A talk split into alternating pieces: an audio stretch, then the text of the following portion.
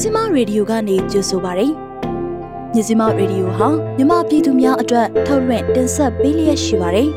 ။ကျမတို့ရဲ့မြစီမရေဒီယိုကိုနေ့စဉ်ည6နာရီခွဲမှည9နာရီခွဲထိလိုင်းဒိုမီတာ16မီတာစက္ကွန်တသမခွန်3 MHz ကနေပြီးတော့ဖမ်းယူနိုင်နိုင်ပါပြီ။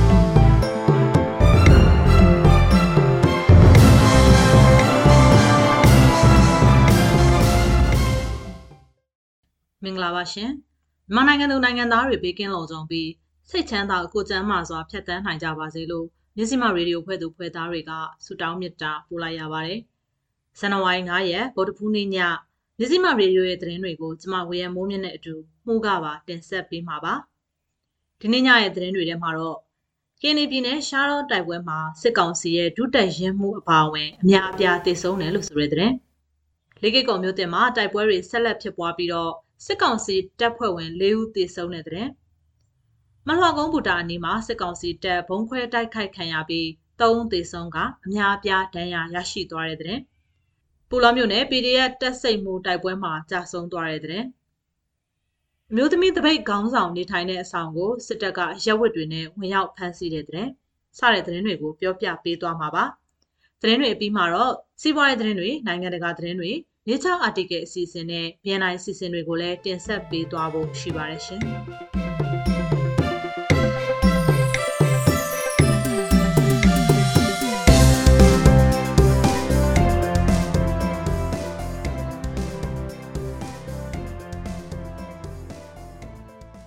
ညနေ9:00နာရီမှာနောက်ဆုံးရရှိထားတဲ့သတင်းတပုတ်အနေနဲ့ဖာပွန်ခရိုင်တွင်းမှာယူဟာမှုအပါအဝင်စစ်ကောင်စီတပ်ဖွဲ့ဝင် 1300ကျော်တည်ဆုံးတယ်လို့ KNN ထုတ်ပြန်တဲ့အကြောင်းကိုပြောပြမှာပါ။ကင်မျိုးသားစီယုံ KMU တမဟာ9နေမြေမူတရောဖာပွန်ခရိုင်မှာ2021ခုနှစ်ဇန်နဝါရီလကနေဒီဇင်ဘာနှစ်ကုန်အထိနေမြေကန် KNN တပ်ဖွဲ့ဝင်တွေနဲ့အာနာသိန်းစစ်ကောင်စီတပ်တို့တိုက်ပွဲဖြစ်ပွားခဲ့တဲ့နေရာမှာဗျူဟာမှုတူအပါအဝင်စစ်ကောင်စီတပ်ဖွဲ့1364ဦးသေဆုံးခဲ့တယ်လို့ KNN တပ်မဟာ9စီယုံချုပ်ကဇန်နဝါရီ9ရက်နေ့မှာသတင်းထုတ်ပြန်ပါတယ်။ တစ်နှစ်အတွင်းတိုက်ပွဲပေါင်း2962ကြိမ်ဖြစ်ပွားခဲ့ပြီးတော့စစ်တပ်ဘက်က1364ဦးသေဆုံးခဲ့တဲ့အပြင်ထိခိုက်ဒဏ်ရာရရှိသူဟာ1373ဦးရှိတယ်လို့တမဟာ9စစ်ရုံးချုပ်ကထုတ်ပြန်ကြမှာဖော်ပြထားပါတယ်။သေဆုံးသူတွေထဲမှာစစ်ဗျူဟာမှု2ဦးတရင်မှု3ဦးတက်ခွဲမှု14ဦးဒုတက်ခွဲမှု2ဦးဗိုလ်တအူတက်ကြကြီးတအူဒုတက်ကြကြီးတအူပါဝင်ပြီးတော့ဒဏ်ရာရရှိသူတွေထဲမှာတရင်မှု3ဦးဒုတက်ရင်မှု2ဦးဒုဗိုလ်ကြီးတအူတက်ခွဲမှု3ဦး ဒုတက်ခွဲမှု၄ဦးရာခံဖို့တဦးနဲ့တက်ကြက်ကြီး၄ဦးပါဝင်တယ်လို့အနှစ်ချုပ်စင်းမှာဖော်ပြထားပါတယ်။တိုက်ပွဲတွေအတွင်းမှာကန်နနီတပ်ဖက်ကနေတက်ခွဲမှုတဦးဒုတက်ခွဲမှုတဦးဘိုး2ဦးတက်ကြက်ကြီး3ဦးကြာဆုံးခဲ့တယ်လို့လည်းကန်နနီတပ်မဟာ9စေုံချုပ်ကဆိုပါတယ်။စစ်တပ်အာဏာသိမ်းပြီးနောက် KMU တပ်မဟာ9တပ်မဟာ6တပ်မဟာ1နယ်မြေတွေမှာတိုက်ပွဲပြင်းထန်ခဲ့ပြီးတော့ကန်နနီတပ်ဖွဲ့ဝင်တွေပျောက်ကြားနှင်းနဲ့တိုက်ခိုက်မှုကြောင့်စီးရေးမှာအသာစီးရပြီးတော့ကြာဆုံးမှုနေခဲ့တယ်လို့သိရပါတ ယ်။ခရနနီတပ်မဟာ9နယ်မြေအတွင်းတိုက်ပွဲတွေစတိုက်ဖြစ်ပွားလာခဲ့ရမှာမလအတွင်းတိုက်ပွဲပေါင်း284ကြိမ်မေလမှာ360အထိတိုက်ပွဲတွေအများဆုံးဖြစ်ပွားခဲ့ပါတယ်။တိုက်ပွဲအတွင်းအာနာသိန်းစစ်ကောင်စီတပ်စစ်ကား48စီးကိုဖျက်ဆီးခဲ့တယ်လို့ဆိုပါတယ်။စစ်သုံးမြင့်နဲ့လာအကောင်80ကိုပြစ်တက်နိုင်ခဲ့တယ်လို့မျိုးအကောင်30ထက်မနည်းလည်းထိခိုက်ဒဏ်ရာရရှိသွားခဲ့တယ်လို့ဆိုပါတယ်။စစ်ကောင်စီတပ်ရဲ့လက်နက်ကြီးနဲ့ရန်တမ်းပစ်ခတ်မှုကြောင့်တနေ့အတွင်းအပြစ်မဲ့ရက်သားပြည်သူ12ဦးသေဆုံးပြီးတော့42ဦးထိခိုက်ဒဏ်ရာရရှိခဲ့တယ်လို့သိရပါတယ်။ ဖာပွန်ခိုင်ဒွယ်လိုမျိုးနယ်မဲတုကျေးရွာအုပ်စုလဲထုဖိုးဒေသကိုဇန်နဝါရီလ၄ရက်နေ့လွတ်လပ်ရေးနေ့မနက်တနာရီကျော်ချိန်မှာစစ်ကောင်စီကလေရင်နဲ့ဘုံသုံးလုံးကျဲတိုက်ခိုက်ခဲ့တယ်လို့ KMU မူတော်သတင်းစင်ကအင်္ဂါနေ့မှာထုတ်ပြန်ထားပါတယ်ရှင်။ကင်းနီပြည်နယ်ရှားတော်မြို့နယ်မှာရှိတဲ့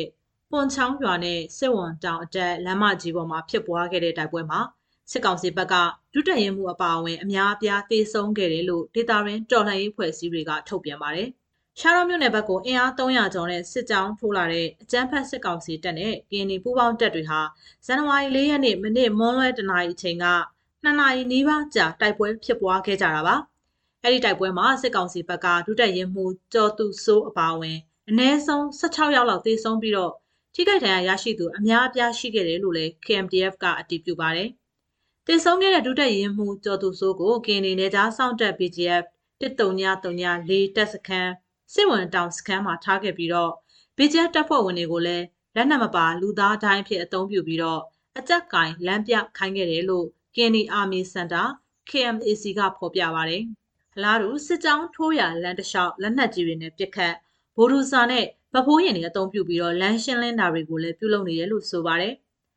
ရောက်ရှိတဲ့ကြေးရွာတွေမှာညအိတက်ဆွဲတာပြုလုပ်ပြီးဒေသခံပြည်သူတွေရဲ့အိုးအိမ်တွေဆိုင်ငန်းတွေမှာရှိတဲ့ပစ္စည်းတွေကိုဖောက်ထွင်းတာမိရှို့ဖျက်ဆီးတာတွေကိုလည်းလုပ်ခဲ့တယ်လို့သိရပါတယ်။ဒီနေ့ဇန်နဝါရီလ9ရက်နေ့မှာလည်းအကြမ်းဖက်စစ်ကောင်စီနဲ့ကင်းဒီပူးပေါင်းတပ်တွေဟာရှားရုံးမြို့နယ်မှာတိုက်ပွဲပြင်းထန်နေတယ်လို့သိရပြီးတော့အသေးစိတ်အခြေအနေကိုတော့မြစီမာကဆက်လက်စုံစမ်းနေဆဲဖြစ်ပါတယ်ရှင်။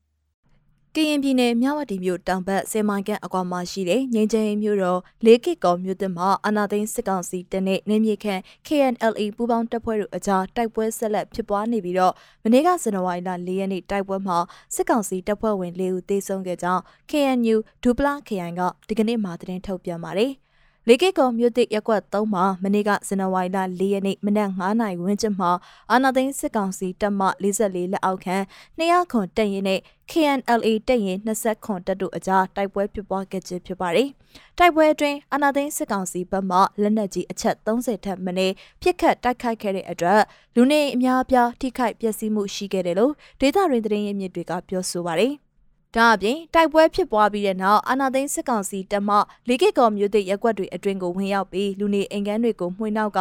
စားစရာပစ္စည်းတွေအပြင်တမိုးရှိတဲ့ပစ္စည်းတွေကိုယူဆောင်သွားကြောင်း KNU ကဆိုပါတယ်။အလားတူလွန်ခဲ့တဲ့ရက်အနည်းငယ်အတွင်းမှာလည်းမဲထော်တလေးကြီးရွာကလူနေအိမ်မှာရှိတဲ့ပစ္စည်းတွေအပြင်ဒေသခံပြည်သူတွေရဲ့ဆိုင်ကယ်ဆယ်စီးကိုဆယ်ဘင်းကားနဲ့တင်ယူဆောင်သွားကြောင်းသိရပါတယ်။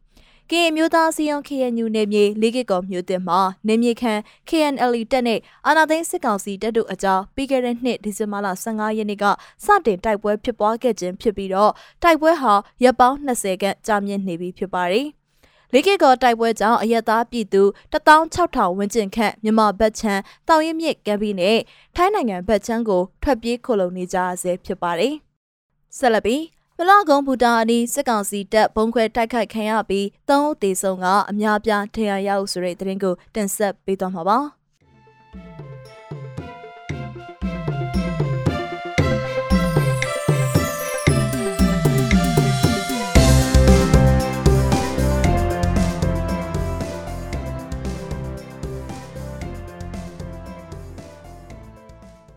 ရန်ကုန်တိုင်းတာမွေမြို့နယ်မလွှကုန်းပူတာအနီးမှာစစ်ကောင်စီတပ်တွေကိုဘုံခွဲတိုက်ခိုက်ခဲ့ရမှာသုံးဦးထပ်မံသေဆုံးပြီးတော့အများအပြားဒဏ်ရာရရှိခဲ့တယ်လို့အာနာသိန်းစန့်ကျင်ရေးနဲ့ပြည်သူ့လွတ်မြောက်ရေးအဖွဲ့ ACPLF ကဇန်နဝါရီလ၄ရက်နေ့ညပိုင်းမှာထုတ်ပြန်လိုက်ပါတယ်။မနေ့ည9နာရီခွဲအချိန်ကမလွှကုန်းပူတာလူကူးကုန်းကျော်တထားယထာတန်လန်အနီးမှာစစ်ကောင်စီတပ်ဖွဲ့ဝင်တွေနဲ့မလှမ်းမကန့်နေရမှာပထမအကြိမ်ဘုံခွဲခဲ့ရမှာ ဘုံခွဲခဲ့တဲ့နေရာကိုလာရောက်တဲ့စစ်ကောင်စီတပ်ဖွဲ့ဝင်10ဦးကျော်ကိုည9:50အချိန်လောက်မှာဒုတိယတစ်လုံးနဲ့ဖောက်ခွဲတိုက်ခိုက်ခဲ့တာဖြစ်တယ်လို့ ACPLF ကဆိုပါတယ်။ပထမအကြိမ်ဘုံတလုံးခွဲပါတယ်သူတို့အနားမှာပဲအကွာဝေးတော့တိတိကျကျမသိရဘူးဗျ။ပင်20ဝန်းကျင်လောက်တော့ရှိမယ်လို့ထင်တယ်။ခွဲပြီးတော့မကြဘူးသူတို့ရောက်လာကြတယ်။ရောက်လာတာက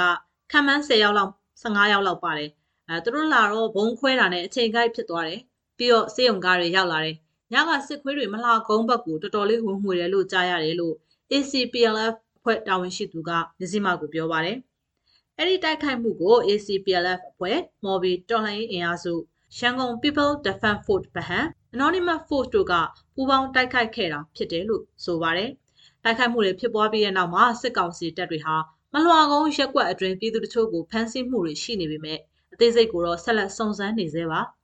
ပြည်သူတွေပေါ်မှာလူမဆန်တဲ့ရာဇဝတ်မှုတွေကျူးလွန်နေတဲ့စစ်ကောင်စီရဲ့လက်ပါစီတွေကိုနီးမျိုးစုံတုံးပြီးတော့ပြင်းပြင်းထန်ထန်တုံ့ပြန်တိုက်ခိုက်နေပြီးတော့ဖောက်ခွဲမှုပေါင်းအကြိမ်20ထက်မနည်းပြုလုပ်ခဲ့ပြီးစစ်ကောင်စီဘက်ကတေဆုံးသူ10ဦးထက်မနည်းရှိခဲ့တယ်လို့လည်း ACPF ကထုတ်ပြန်ကြေညာထားပါတယ်။ ချင်းပြည်နယ်ဖလန်းမြို့နယ်တီးပွားရဲစခန်းမှာရှိတဲ့စစ်ကောင်စီတပ်ဖွဲ့တွေဟာနေမြေရှင်းလင်းရေးလှုပ်ဆောင်နေစဉ်မိုင်းနှင်းမိပြီးတအူးတေဆုံးကအများပြားတရားရသွားနိုင်ကြောင်းချင်းမျိုးသားအဖွဲ့ချုပ် CNO မှဇန်နဝါရီလ၄ရက်နေ့ကချင်းမြန်မာနှစ်ဘာသာနဲ့ထုတ်ပြန်ထားပါတယ်။သူတို့တွေကတယောက်သေးတာတော့သေးကြတယ်။နောက်ပြီးသွေးကွက်တွေလည်းအများကြီးတွေတွေ့ရတယ်။ဒဏ်ရာရတဲ့သူတွေများမှသေးကြတယ်လို့ချင်းမျိုးသားကာကွယ်ရေးတပ်ဖွဲ့ CNDF ဆက်သွယ်ရေးတာဝန်ခံကပြောပါတယ်။ ဇန်နဝါရီလ၄ရက်နေ့မနေ့ကနနက်10:00နာရီလောက်မှာနေမြေရှင်းလင်းဆောင်ရွက်နေစဉ်စစ်ကောင်စီတပ်ဖွဲ့ဝင်တွေမိုင်းတလုံးနှင်းမိပြီးတော့ဒဏ်ရာရသူတွေကိုခေါ်ဆောင်ကစခန်းအတွင်းကိုပြန်လည်ဝင်ရောက်သွားကြောင်းဆိုပါတယ်။ အဲ့ဒီနေ့ညနေပိုင်းမှာသေဆုံးသူနဲ့ဒဏ်ရာရသူတွေခေါ်ဆောင်ရန်နဲ့အင်အားရိတ်ခါဖြည့်တင်းရန်ရဟန်းရင်ဒဇင်ဆင့်သက်ခဲ့ကြောင်းသူကပြောပါရယ်။တီးပွားရဲစခန်းမှာစခန်းမှုအပါအဝင်စစ်ကောင်စီတပ်ဖွဲ့ဝင်စစ်သား20ခန့်စခန်းချနေထိုင်လျက်ရှိပြီးတော့ CNDF တပ်ဖွဲ့ဝင်တွေဟာစခန်းပတ်လေကိုဝိုင်းဝန်းပိတ်ဆို့ထားတာဟာကြာမြင့်ပြီဖြစ်ကြောင်း၎င်းဆက်သွယ်ရေးတာဝန်ခံကပြောပါရယ်။ CNDF တပ်ဖွဲ့ဟာဒီဇင်ဘာလ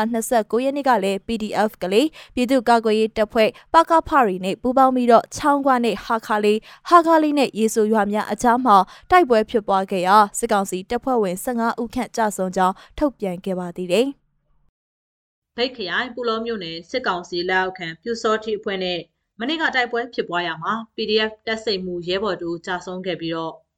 အဲ့ဒီနေ့မှာနာရီအခမ်းအနားကိုပဲပြုလုပ်ခဲ့တယ်လို့ ပြည်သူ့ကာကွယ်ရေးတပ်ပူလောကသတင်းထုတ်ပြန်ပါတယ်။ PDF တပ်စိတ်မူကြဆုံးသူရဲဘော်ဖြူဖွေးဖြစ်ပြီးတော့ဇာပနာခန္ဓာကိုဇန်နဝါရီလ၄ရက်နေ့ညပိုင်းမှာပြုလုပ်ခဲ့တာပါ။တိုက်ပွဲမှာအပြန်အလှန်ပစ်ခတ်မှုကြောင့်ပြူစောထီတူကြဆုံးပြီးတော့တဦးဒဏ်ရာရပြီး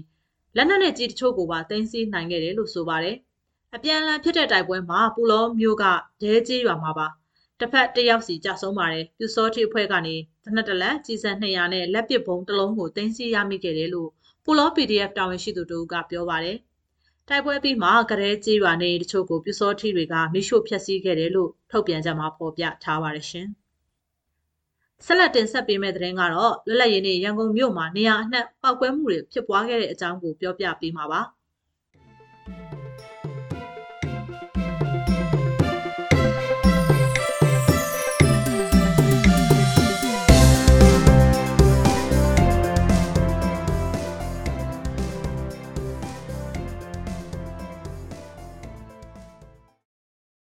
ရန်ကုန်မြို့မှာရှိတဲ့တောင်ဝေမြောက်ကလာလိုင်သာယာရွှေပြည်သာတာကေတ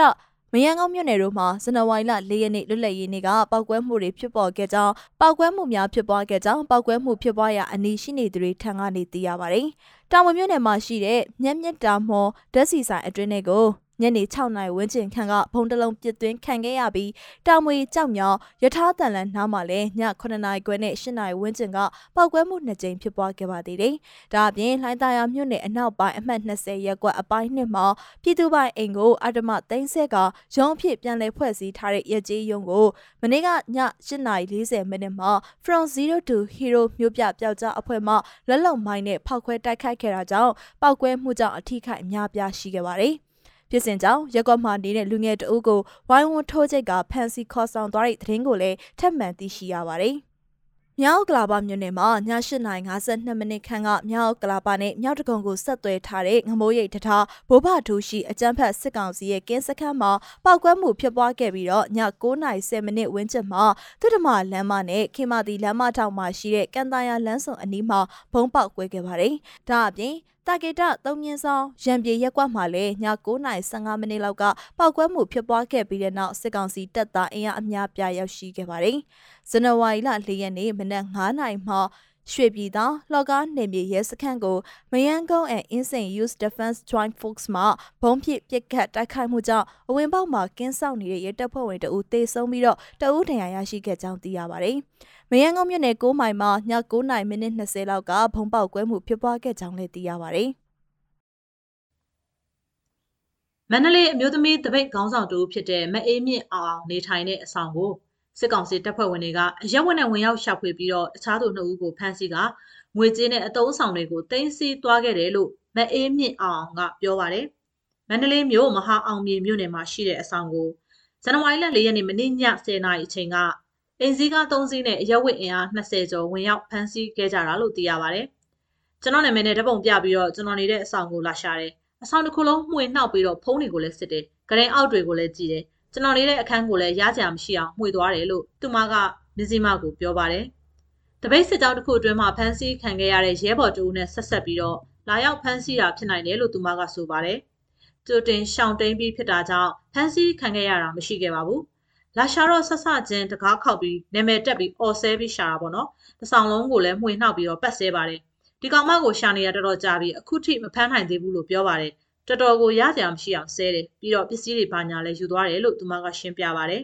မက်အေးမြင့်အောင်အခန်းကနေကြက်သိန်း20ကျော် laptop တစ်လုံးစာအုပ်တွေနဲ့ဘွဲလက်မှတ်တွေကိုတင်စီသွားတဲ့အပြင်အဆောင်မှုနဲ့အမျိုးသမီးငယ်တအူးကိုမဟာအောင်မြေရဲစခန်းကိုဖမ်းဆီးခေါ်ဆောင်သွားတယ်လို့သူမကပြောပါတယ်။အဆောင်မှုကိုစစ်ဖို့ခေါ်သွားပါတယ်။အဆောင်ကမိန်းကလေးတယောက်ကိုလည်းလက်ထိတ်ခတ်ပြီးတော့ခေါ်သွားတယ်။ဘာကိုတွေ့သွားလို့လဲတော့မသိဘူးဖမ်းခေါ်သွားတာလို့သိရတယ်။ ဖြစ်နိုင်တာကတော့ဖမ်းခေါ်သွားရင်သူ့နယ်မြေလိုက်ရဲစခန်းကိုဖမ်းခေါ်သွားတာပဲဖြစ်နိုင်ပါတယ်။မဟာအောင်မြေရဲစခန်းပဲဖြစ်နိုင်ပါတယ်။ကျွန်တော်တို့ဘာသတင်းမှတော့ပြန်မရသေးပါဘူး။လုံုံရေးအရာမဆက်သွယ်ပဲထားထားတာဆိုတော့လေလို့မအေးမြင့်အောင်ကဆိုပါတယ်။ ကရင်ပြည်နယ်ဖာပွန်မူတရောခရိုင်ဒွယ်လုံးမြို့နယ်အတွင်းစစ်ကောင်စီတပ်ကလေရင်နဲ့ဘုံကျဲတိုက်ခိုက်မှုကြောင့်စေပေခန့်နဲ့စာတင်ကျောင်းဘော်ဒါဆောင်6လုံးထိခိုက်ပျက်စီးခဲ့တဲ့အပြင်စိတ်တကောင်သေဆုံးခဲ့ပါတယ်။ဒွယ်လုံးမြို့နယ်မေတုကြီးရွာအုပ်စုလက်ထူးဖို့ဒေတာကိုမနေ့ကဇန်နဝါရီလ၄ရက်နေ့လွတ်လပ်ရေးနေ့မနက်တနာရီကျော်ခန့်ကစစ်ကောင်စီကတိုက်လေရင်နဲ့ဘုံသုံးလုံးကျဲချတိုက်ခိုက်ခဲ့ခြင်းဖြစ်ကြောင်း KNU မူထရောသတင်းစင်ကအင်္ဂါနေ့မှာထုတ်ပြန်ပါတယ်။ စစ်ကောင်စီဟာအာဏာသိမ်းပြီးနောက်ပိုင်းတိုက်ပွဲဖြစ်လာရင်စစ်တိုက်လေရင်တွေအုံပြုနေတာကိုတွေ့မြင်ရတယ်လို့ KNU ကပြောပါတယ်။ စစ်ကောင်စီတပ်ကကျဲချခဲ့တဲ့ဘုံဒီ၃လုံးဟာလေထုဖို့ဒေသမှာရှိတဲ့စေပေကန်းဝင်အတွင်းတစ်လုံး၊ကျောင်းဝင်အတွင်းတစ်လုံးနဲ့ KNL တပ်ရင်အမှတ်102အနီးမှာကြာရောက်ပောက်ကွဲခဲ့ခြင်းဖြစ်ပါတယ်။ပြည်내စစ်မှာတိုက်လင်ရင်အုံပြုတိုက်ခိုက်ခြင်းမပြုရလို့ကမ္ဘာကုလသမဂ္ဂ UN ပဏိညာစာချုပ်ပါစီကံချက်တွေနဲ့တားမြစ်ထားပေမဲ့လည်းစစ်ကောင်စီဘက်ကလိုက်နာမှုမရှိဘဲဖောက်ဖျက်ကျူးလွန်နေခြင်းဖြစ်ကြောင်းလည်း KNU ကပြောဆိုထားပါတယ်။ မြန်မာနိုင်ငံမှာဆီယနာသိမ်းပြီးတဲ့နောက်ပိုင်းကရင်မျိုးသားလွတ်မြောက်ရေးတပ်မတော် KNL နဲ့အာဏာသိမ်းစစ်ကောင်စီတပ်တို့အကြားတိုက်ပွဲပြင်းပြင်းထန်ထန်ဖြစ်ပွားနေခြင်းဖြစ်ပြီးတော့ KNL တပ်မဟာ9တပ်မဟာ1နဲ့တပ်မဟာ6ဒေသတွေမှာတိုက်ပွဲပြင်းထန်နေပါတယ်။ပြည်ရင်းသတင်းတွေကိုတင်ဆက်လုပ်ပြီးပါပြီ။အခုဆက်လက်ပြီးစီးပွားရေးသတင်းတွေကိုနားဆင်ရမှာပါ။မဝေရမုံမြင့်ကပြပြပေးသွားမှာပါ။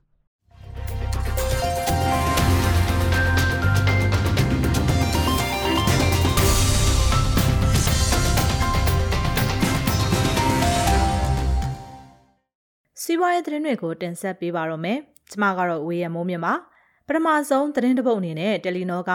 With Money လုပ်ငန်းကိုရောင်းချမယ်ဆိုတဲ့အကြောင်းကိုပြောပြပေးမှာပါ။နော်ဝေအခြေစိုက်ဆက်သွယ်ရေးကုမ္ပဏီတယ်လီနောဟာမြန်မာနိုင်ငံကအွန်လိုင်းငွေလွှဲလုပ်ငန်း Wave Money မှာပိုင်ဆိုင်တဲ့ share 51ရာခိုင်နှုန်းကို Yoma Strategic Holding စီးပွားရေးလုပ်ငန်းစုကိုရောင်းချတော့မယ်လို့ Nikkei Asia သတင်းဌာနကဖော်ပြပါဗျ။ ဒေါ်လာ104သန်းတန်တဲ့ With Money မှာသူ့ရဲ့ share 51ရာခိုင်နှုန်းကိုဒေါ်လာ53သန်းနဲ့ရောင်းချမှာဖြစ်ပြီးတော့လာမယ့်ရက်အနေငယ်အတွင်းမှာနောက်ဆုံးဆုံးဖြတ်ချက်ပေးလိမ့်မယ်လို့သိရပါတယ်။အဲ့ဒီ share ရောင်းချမှုကြောင့်မြန်မာတထေးကြီး Search Bank ဥဆောင်တဲ့ရိုးမအုပ်စုဟာ With Money ကို85ရာခိုင်နှုန်းပိုင်ဆိုင်သွားတော့မှာဖြစ်ပါတယ်။လက်တလုံးမှာရိုးမအုပ်စုဟာ49ရာခိုင်နှုန်း share ယူထားပြီးတော့ အဲ့ဒီ49ရာခိုင်နှုန်းထဲမှာရိုးမမဟာဗျူဟာ holding က44ရာခိုင်နှုန်းနဲ့ရိုးမဘဏ်က9ရာခိုင်နှုန်းဖြစ်ပါတယ်။ကျန်တဲ့25ရာခိုင်နှုန်းကရိုးမဥဆောင်တဲ့လုပ်ငန်းအဖွဲ့အစည်းတစ်ခုကပိုင်ဆိုင်ပါတယ်။အဲ့ဒီလုပ်ငန်းအဖွဲ့အစည်းမှာထိုင်ဝမ်ဗန်နာရီအုပ်စုတစုနဲ့လွတ်လပ်တဲ့မြန်မာအင်တာနက်လုပ်ငန်းတစ်ခုတို့ပါဝင်နေပါတယ်။ရိုးမ strategic က2020နှစ်လယ်ပိုင်းလောက်မှာတယ်လီနောရဲ့ share တွေကိုလွှဲယူဖို့ပထမဆုံးသဘောတူခဲ့ပါတယ်။ Wave Money ကိုဒေါ်လာ104သန်းနဲ့တန်ဖိုးဖြတ်တာဟာတယ်လီနောရဲ့ပင်မတယ်လီကွန်လုပ်ငန်းကိုဒေါ်လာ105သန်းတောင်းထားတာနဲ့နှိုင်းယှဉ်လို့ရှိရင်အတော်ကလေးဈေးမြင့်ပေးထားတာဖြစ်တယ်လို့အယောင်းဝယ်လုပ်နေတာနဲ့ယင်းဒီကျန်းဝင်တဲ့တယ်လီကွန်အမှုဆောင်တူကပြောပါတယ်။ Wave Money ဟာတလားတလားကိုဒေါ်လာ1တန်းနဲ့1.2တန်းအကြားငွေအလွှဲအပြောင်းလုပ်ပေးနေတာပါ။ဖေဖော်ဝါရီတက်ကစစ်တပ်အာဏာသိမ်းယူလိုက်ပြီးတဲ့နောက်မှာသူ့ရဲ့ application အသုံးပြုသူ2တန်းကျော်တွေကတဝက်လောက်ကိုဆုံးရှုံးခဲ့ရပါတယ်။ Telenor က Wave Money share ကိုရောင်းချမှုဟာသူတို့ရဲ့အဓိကဆက်သွယ်ရေးလုပ်ငန်းဖြစ်တဲ့တယ်လီနောမြန်မာကိုရောင်းချမှုတန်ဖိုးထက်ပိုပြီးများပြားနေပါတယ်။တယ်လီနောမြန်မာကိုလက်ဘနွန်အခြေစိုက် M1 ကုမ္ပဏီကိုဒေါ်လာ105သန်းနဲ့ဝယ်ဖို့သဘောတူခဲ့ပေမဲ့စစ်ကောင်စီကဟန်တားမှုတွေရှိနေပါတယ်။ Wave Money ကိုရောင်းချမှုအတွက်တယ်လီနောဘက်ကတော့သတင်းထုတ်ပြန်တာမျိုးမရှိသေးပါဘူး။ Yoma Strategic ဟာ2020နှစ်လယ်ပိုင်းလောက်က Wave Money ကိုဝယ်ဖို့သဘောတူခဲ့တာပါ။ Wave Money လုပ်ငန်းဥက္ကဋ္ဌကဘဏ်လုပ်ငန်းမှာအခက်အခဲတချို့ရင်ဆိုင်နေရပေမဲ့ digital ငွေပေးချေမှုလုပ်ငန်းအပေါ်ယုံကြည်မှုအပြည့်ရှိနေတယ်လို့မကြသေးခင်ကပြောကြားခဲ့ပါတယ်။နောက်ထပ်တစ်ပုတ်အနေနဲ့နေဆက်ကုံသွယ်ရေးစခန်း14ခုရှိတဲ့အထက်က17ခုမှာကုံသွယ်မှုဆက်လက်ကျဆင်းနေတဲ့အကြောင်းကိုပြောပြမှာပါ။နောက်ဆုံးသိရတဲ့တရားဝင်စည်းရင်းတွေအရမြန်မာနိုင်ငံနဲ့ထိစပ်နေတဲ့နေဆက်ကုံသွယ်ရေးစခန်း14ခုရှိတဲ့အထက်က17ခုမှာ ကုန်သွယ်မှုဆက်လက်ကျဆင်းနေတယ်လို့ ISP မြန်မာကထုတ်ပြန်ထားပါတယ် ISP မြန်မာရဲ့အာနာမသိန်းခင်6လနဲ့အာနာသိန်းပြီးနောက်ပိုင်း6လကိုနှိုင်းယှဉ်ထားတဲ့စီးရင်တွေအရအကြီးဆုံးနယ်စပ်ကုန်သွယ်ရေးစခန်းတစ်ခုဖြစ်တဲ့မူဆယ်စခန်းမှာဆိုရင်အမေရိကန်ဒေါ်လာ1.3ဘီလီယံကျော်ကျဆင်းခဲ့ပါတယ်။ဒုတိယအကြီးဆုံးဖြစ်တဲ့ချင်းရွှေဟော်မှာတော့ဒေါ်လာတန်60ကျော်ကျဆင်းခဲ့ပါတယ်။ထိုင်းမြန်မာနယ်စပ်တာချီလိတ်စခန်းမှာလည်း အမေရိကန်ဒေါ်လာ28တန်းကျော်ကျခဲ့ပေမဲ့မြရီစခန်းမှာတော့အမေရိကန်ဒေါ်လာတန်640ကျော်တက်လာတယ်လို့ဖော်ပြထားပါတယ်။အာနာသိမ့်မီမေလမှာကုန်သွယ်မှုတက်လာခဲ့ပေမဲ့ဇူလိုင်လအထိဆက်လက်ကျဆင်းနေခဲ့ပါတယ်။တရုတ်ရဲ့ကုန်သွယ်မှုကိုကာလာဒူနဲ့နှိုင်းယှဉ်ကြည့်တဲ့အခါမှာဒေါ်လာတန်2000နီးပါးကျဆင်းသွားတယ်လို့သိရပါတယ်။စင်ကာပူနဲ့ကုန်သွယ်မှုအပေါ်မှာလည်းအမေရိကန်ဒေါ်လာတန်1000နီးပါးကျဆင်းခဲ့ပါတယ်။ ကျန်တဲ့နိုင်ငံတွေရဲ့ကုန်သွယ်မှုမှာတော့ အမေရိကန်ဒေါ်လာတန်2900နီးပါးကျဆင်းခဲ့တယ်လို့သိရပါတယ်။ထူးခြားချက်အနေနဲ့ကတော့အိန္ဒိယနိုင်ငံနဲ့ကုန်သွယ်မှုမှာအမေရိကန်ဒေါ်လာ31တန်းကျော်မြင့်တက်လာတာကိုတွေ့ရပါတယ်။အရင်ဘန်နာနှစ်ဇူလိုင်လနဲ့ကာလတူနှိုင်းယှဉ်ကြည့်မယ်ဆိုရင်ပြပကုန်သွယ်မှုအမေရိကန်ဒေါ်လာ6.3ဘီလီယံကျော်ကျဆင်းခဲ့ပါတယ်။အရင်ဘဏ္ဍာနှစ်မှာပို့ကုန်ကသွင်းကုန်ထက်အမေရိကန်ဒေါ်လာတန်1500နီးပါးပိုများခဲ့ပါတယ်။ 2020 2021ဘဏ္ဍာနှစ်မှာတော့ပို့ကုန်ကသွင်းကုန်ထက်အမေရိကန်ဒေါ်လာတန်200ကျော်ပိုများခဲ့တာဖြစ်ပါတယ်ရှင်။နောက်ထပ်တစ်ပုတ်အနေနဲ့ရင်စစ်ဆေးတာမလုပ်ဘဲရင်တက်တန်းတိုးတာတွေကို2022ခုနှစ်ဇွန်လပိုင်းအကုန်ထိဆောင်ရွက်ပေးမယ်လို့ကညာနာကထုတ်ပြန်လိုက်တဲ့အကြောင်းကိုပြောပြချင်ပါတယ်။ရင်စစ်ဆေးတာတွေမလုပ်ဘဲရင်တက်တန်းတိုးတာကို2022ခုနှစ်ဇွန်လပိုင်းအကုန်ထိဆောင်ရွက်ပေးသွားမှာဖြစ်တယ်လို့ ကုန်းလန်းပို့ဆောင်ရေးညွှန်ကြားမှုဦးစီးဌာနကညာနာကထုတ်ပြန်လိုက်ပါတယ်။ရင်တက်တန်းတိုးရမှာခီးတဲ့တင်ရှင်25ယောက်စီအထက်မပါဝင်ကြောင်းနဲ့ကျန်တဲ့ရင်တွေကိုရင်းစစ်ဆေးတာမလုပ်ဘဲရင်တက်တန်းတိုးတဲ့ကိစ္စရက်တွေကိုဆောင်ရွက်ပေးသွားမှာဖြစ်တယ်လို့သိရပါဗျ။။ကာညာနာကရင်တက်တန်းတိုးတာတွေကိုလွန်ခဲ့တဲ့နှစ်လလောက်ခရဲကဝန်ဆောင်မှုတွေပြန်လုပ်ပေးနေတာပါ။အခုထုတ်ပြန်တာကရင်မစစ်ဆေးဘဲနဲ့ရင်တက်တန်းတိုးတာတွေကိုအခုနှစ်ဇွန်လပိုင်းကုန်ထိဆောင်ရွက်ပေးသွားမယ်ဆိုပြီးတော့ထပ်မံထုတ်ပြန်တာလည်းဖြစ်ပါတယ်။ ခီးတဲ့တင်ရင်တွေကိုတော့ရင်စစ်ဆေးမှုခံရမယ်လို့ကာညာနာဝန်ဆောင်မှုလုပ်ငန်းလုပ်ကင်သူတူကပြောပါတယ်။လက်ရှိကာလမှာရင်တက်တန်းတိုးလို့သူတွေအနေနဲ့ online booking ကြိုတင်ယူစရာမလိုပေမဲ့ရင်မောင်းလိုင်စင်တက်တန်းတိုးလို့သူတွေရင်မောင်းလိုင်စင်အသစ်လျှောက်လို့သူတွေအနေနဲ့ကတော့ online ကနေကြိုပြီးတော့ booking ယူဖို့လိုမယ်လို့သိရပါတယ်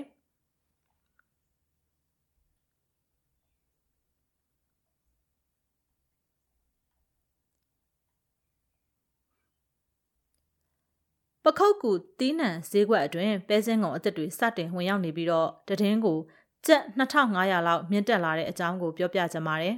။ပခုတ်ကူတင်းနှံဈေးကွက်အတွင်းမှာပြီးခဲ့တဲ့2021ခုနှစ်နှစ်ကုန်ပိုင်းကစပြီးတော့ပဲစင်းကုန်အသစ်တွေစတင်ဝင်ရောက်လာပြီးတော့2022ခုနှစ်ဇန်နဝါရီလဆန်းပိုင်းမှာတော့တည်င်းကို2500ကျပ်လောက်အထိဈေးနှုန်းမြင့်တက်လာတယ်လို့ကုန်သည်နဲ့တောင်သူတွေထံကနေသိရပါဗျ။ ပြီးခဲ့တဲ့နှစ်ကုန်ပိုင်းကပဲစင်းကုန်တည်င်းကိုကျပ်3400ပေါက်ဈေးရှိရာကနေဝယ်ယူမှုများပြားလာတာကြောင့်ဈေးနှုန်းမြင့်တက်လာတာမှာအခုဇန်နဝါရီလ3ရက်နေ့မှာတော့ပခုတ်ကူအသီးနှံဈေးကွက်မှာတည်င်းကိုကျပ်3600ပေါက်ဈေးရှိတာလို့သိရပါတယ်။ပခုတ်ကူဒေတာတဝိုက်မှာပဲစင်းငုံစိုက်တောင်သူတွေဟာတက်လက်ပဲစင်းငုံတွေကိုစတင်ရိတ်သိမ်းချွေလှစ်နေပြီးတော့အထွန်းနှုံးတက်တင်တာကြောင့်လက်ရှိပေါက်ဈေးနဲ့ရောင်းချရမယ်ဆိုရင်အဆင်ပြေနိုင်တယ်လို့တောင်သူတွေထံကနေသိရပါတယ်။ တဲ့ရင်ပဲစင်းငုံတွေကတော့ဒီလောက်ကုံလောက်မှရိတ်သိမ်းမှဖြစ်ပြီးတော့ဒီနှံအခြေအနေအရအထွက်ကောင်းနိုင်ပြီးပဲစင်းငုံကိုအခုနှစ်မှပြန်စိုက်ကြတာဖြစ်တဲ့အတွက်အထွန်းနှုံးကတောင်သူတယောက်နဲ့တယောက်မတူနိုင်ဘူးလို့သိရပါတယ်။တောင်သူတွေအကုန်ရိတ်ပြီးတော့ချွေလစ်လို့ပြီးလို့ရောင်းတဲ့အချိန်မှာလက်ရှိတည်င်းကို3600ကျော်ဈေးအောက်မလျော့သေးဘူးဆိုရင်တော့အကျိုးရှိမှာဖြစ်တယ်လို့ပခုတ်ကူမြို့နယ်ကတောင်သူတူကပြောပါတယ် ပခုတ်ကူဒေတာထွက်ပဲစင်းကုန်တင်းနှံတွေကိုအိန္ဒိယဝယ်လက်တွေကအဓိကဝယ်ယူတာဖြစ်ပြီးအိန္ဒိယဈေးကွက်ပေါ်မှာလည်းမူတည်နေပါတယ်ပြီးခဲ့တဲ့2018ခုနှစ်မှာကြာဆင်းခဲ့တဲ့ပဲစင်းကုန်ဈေးဟာ2021ခုနှစ်ရောက်ရှိမှသာပြန်လည်မြင့်တက်လာတာဖြစ်တယ်လို့လည်းသိရပါတယ်။အိန္ဒိယနိုင်ငံကလာမယ့်မတ်လအထိတန်ချိန်တသိန်းဝယ်ယူမှာဖြစ်ပေမဲ့အသစ်တွေကလည်းထွက်ရှိနေတာကြောင့်ဈေးကလက်ရှိဈေးထက်ကျဆင်းနိုင်ပြီးအများကြီးတော့မကျဆင်းနိုင်ဘူးလို့လည်းကုန်သည်တွေကသုံးသပ်ထားကြပါတယ်။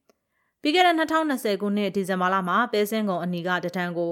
9သိန်း5000ကနေ8သိန်း3000ကျော်ပေါက်ဈေးရှိခဲ့ပြီးတော့ဒီဇင်ဘာလမှာတော့17သိန်းကနေ17သိန်း9500အကြားပေါက်ဈေးရှိနေခဲ့တာပါ။ပဲတင်ပို့မှုကတော့လာမယ့်2025 2026အထိနှစ်စဉ်မပဲတန်ချိန်2သိန်းခွဲနဲ့ပဲစင်းကုံအနီတန်ချိန်တသိန်းလောက်ကိုတင်ပို့သွားဖို့အတွက်နားလည်မှုစာကြွန်လွှာရေးထိုးထားတယ်လို့သိရပါတယ်။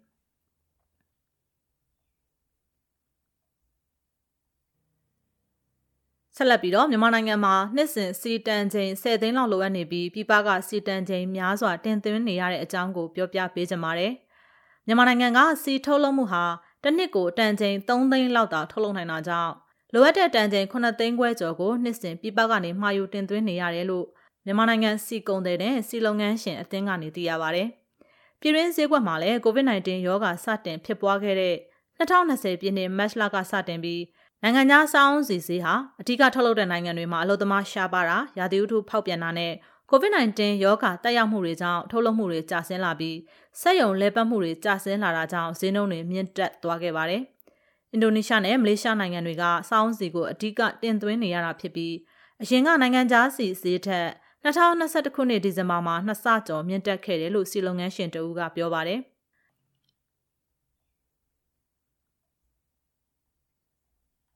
နောက်ဆုံးသတင်းအနေနဲ့တရုတ်မြန်မာစီးပွားရေးစင်ကြံစီမံကိန်းတွေကိုအမြန်ဆုံးပြန်ဆဖို့စစ်ကောင်စီကကြိုးပမ်းနေပါတယ်။တိုင်းပြည်အတွင်းမငြိမ်မသက်မှုတွေဖြစ်ပေါ်နေပေမဲ့လည်းအာဏာသိမ်းစစ်ကောင်စီကတရုတ်နဲ့မြန်မာနိုင်ငံအကြားပူးပေါင်းဆောင်ရွက်မဲ့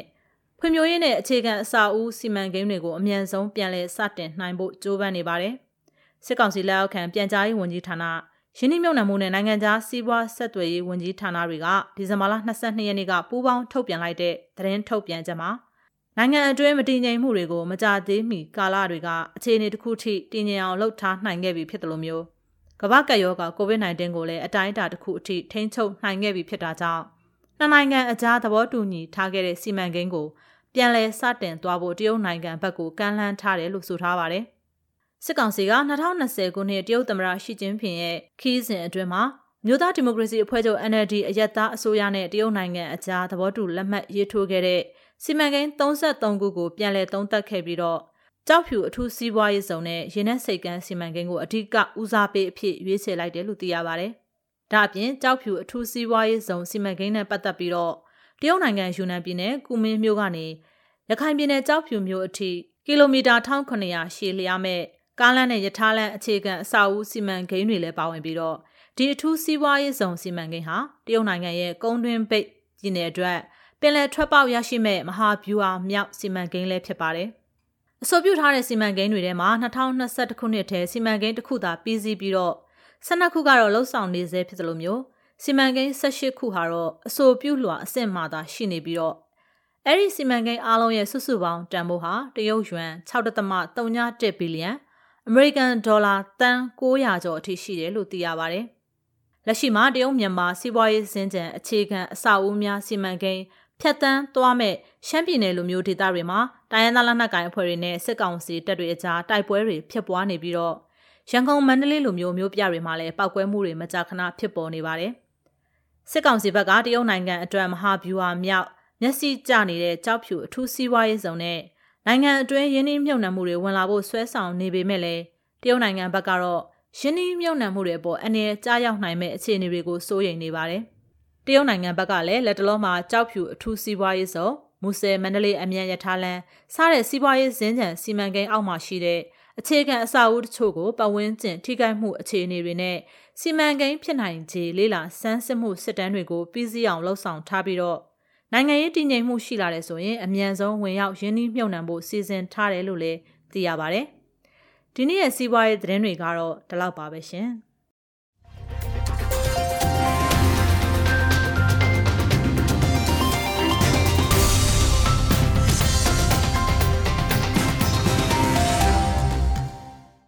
စီးပွားရေးသတင်းတွေကိုနားဆင်ခဲ့ရတာပါဆက်လက်တင်ဆက်ပေးမှာကတော့နိုင်ငံတကာသတင်းတွေပါကိုနေဦးမောင်ကပြောပြပေးမှာပါရှင်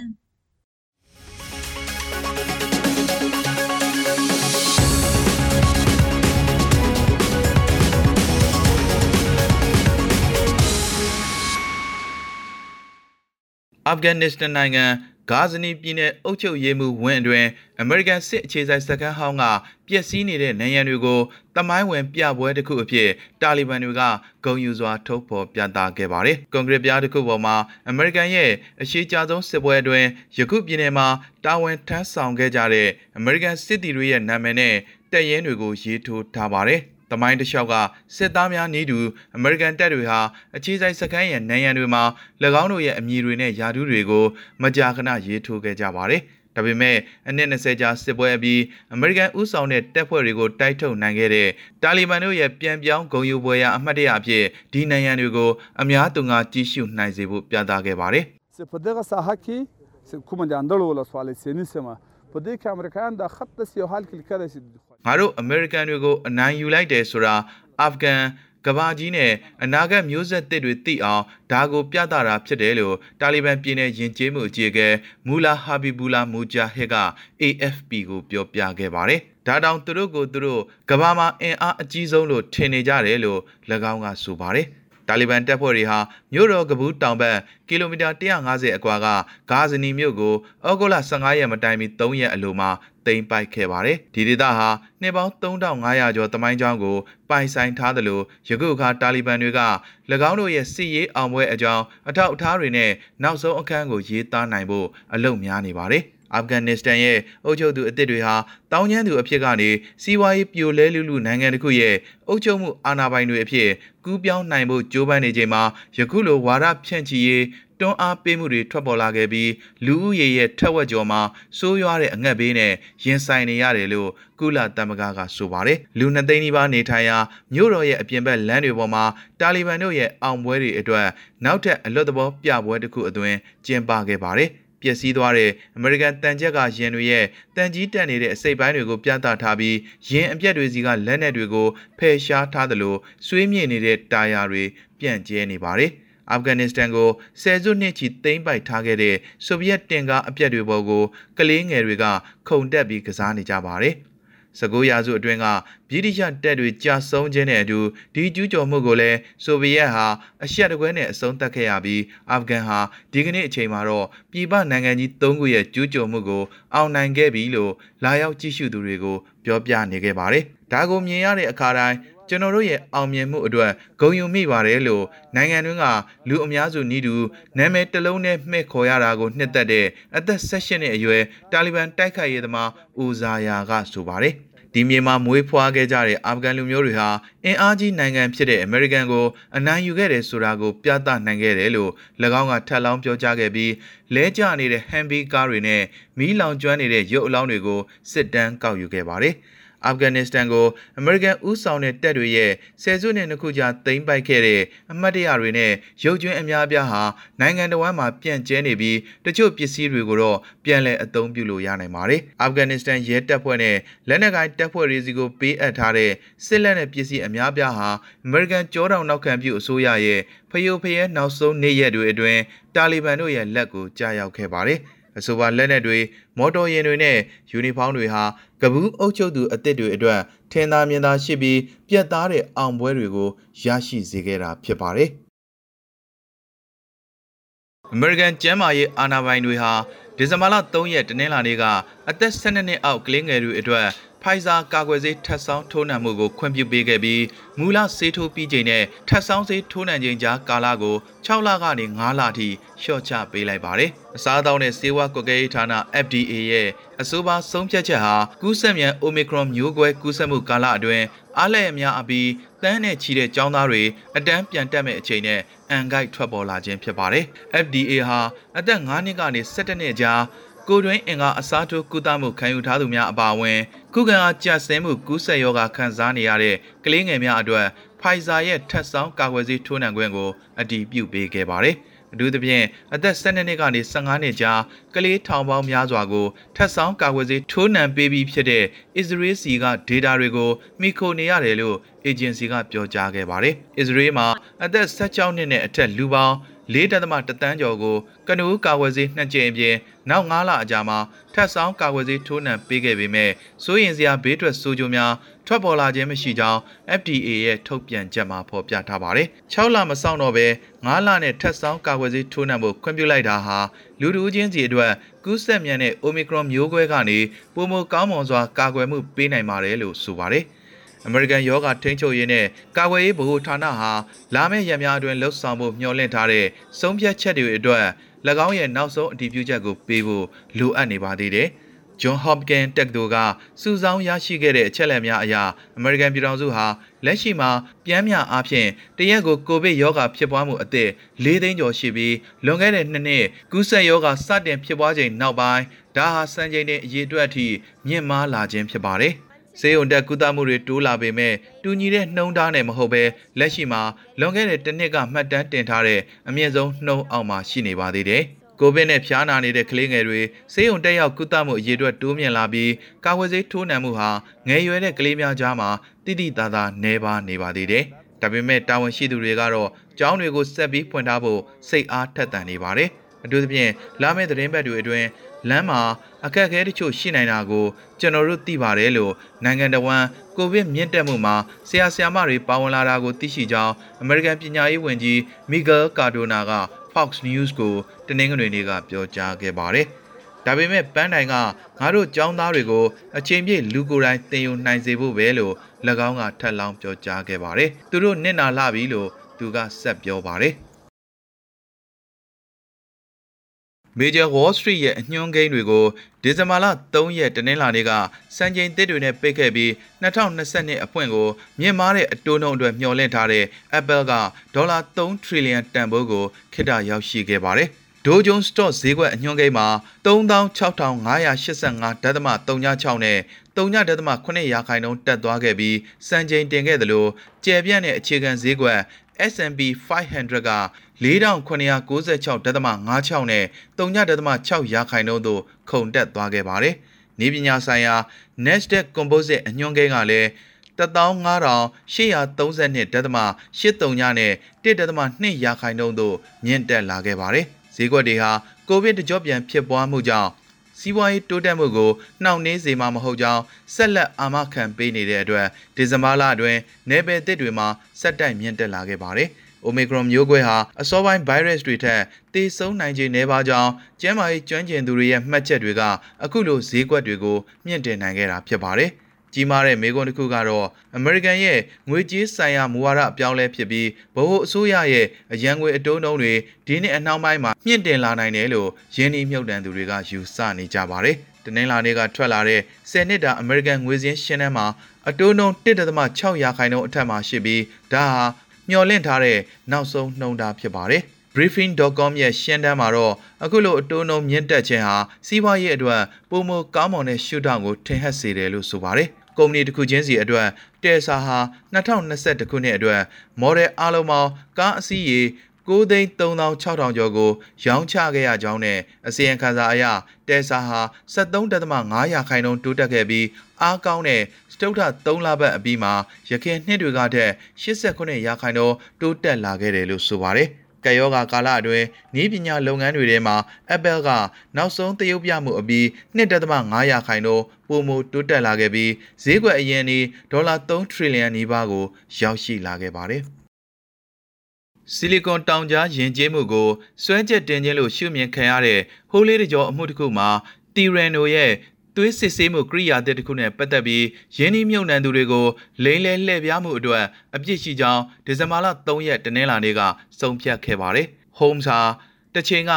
မရေမတွက်နိုင်တဲ့ချမ်းသာကြွယ်ဝမှုအတွက်ကတိပေးခဲ့ပြီးငွေကြေးများဆုံးရှုံးကပြိုလဲသွားတဲ့ကုမ္ပဏီများစွာပါဝင်နေတဲ့ကဏ္ဍတစ်ခုအတွင်းမှာမီးတောင်နေတဲ့ကုမ္ပဏီကိုဖျက်ချော်နိုင်ဖို့ကြိုးပမ်းခဲ့တဲ့နည်းပညာဆိုင်ရာအမှုဆောင်တို့ရဲ့ရှားပါဥပမာတစ်ခုဖြစ်လာပါတယ်။ Holmes ရဲ့အမှုဟာလုပ်ငန်းအသွင်သဏ္ဍာန်ဆောင်တဲ့ဇွတ်အတင်းလောဆော်မှုတွေနဲ့ရာဇဝတ်မှုမြောက်တဲ့မယိုးသားမှုကြားကမှုံဝါးဝါမြင်းချောင်းတစ်ခုကိုမိမောင်းထိုးပြခဲ့ပါတယ်။ တရားသူကြီးတွေဟာ၎င်းတို့ရဲ့စီရင်ချက်ကိုချမှတ်ဖို့9ရက်ကြာစိတ်စိတ်ဆက်ဆက်ဆုံးဖြတ်ခဲ့ရမှာစာဦးစမ်းသပ်မှုနည်းပညာတစ်ခုအဖြစ်အကိုင်းမှာဆိုပြီးရင်းနှီးမြှုပ်နှံသူတွေကိုလှည့်ပြားမှု၄ခုနဲ့အပြစ်ရှိကြောင်းတွေ့ရှိခဲ့ကြပါတယ်။ဒါပေမဲ့ရှုပ်ထွေးလာတဲ့တက်တဲ့အထောက်ထားတွေကိုသတင်းပတ်ပေါင်းများစွာကြားနာခဲ့တဲ့ဗုတ်အဖွဲ့ကတော့စွဲချက်၄ခုအတွက်သူမကိုတရေသေးလွှတ်ပေးခဲ့ပြီးကြံစွဲချက်၃ခုအပေါ်စီရင်ချက်ချမှတ်ဖို့ကြံနေပါသေးတယ်။ ဒီအမှုအတွက်ပြည်ထန်စီရင်ချက်ကရင်းနှီးမြှုပ်နှံသူများအပေါ်အကြီးစားလိမ်လည်မှုအတွက် Mrs. Home မှာအပြစ်ရှိကြောင်းထင်ဟပ်နေပြီး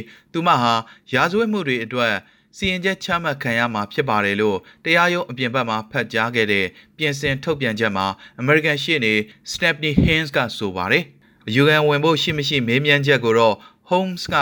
မှတ်ချက်ပြုဖြေကြားခဲ့ခြင်းမရှိပါဘူးအသက်38နှစ်အရွယ်သူမဟာဒီအပြစ်ဒဏ်စီရင်ချက်တစ်ခုစီအတွက်အနှစ်20စီအကျဉ်းချခံရနိုင်ခြေရှိနေပါတယ်လာမယ့်သတင်းပတ်အတွင်းအာမခံစီးမြင်းများနဲ့ပတ်သက်ပြီးနောက်ထပ်ကြားနာစစ်ဆေးမှုတွေမပြုလုပ်မီထိလွတ်လွတ်လပ်လပ်နေနိုင်မှာဖြစ်ပြီးရင်းအတွက်အမိန့်ချမှတ်မဲ့ရက်ကိုမသက်မရသေးပါဘူး။ Holmes ဟာသွေးအနှဲငယ်ရယုံနဲ့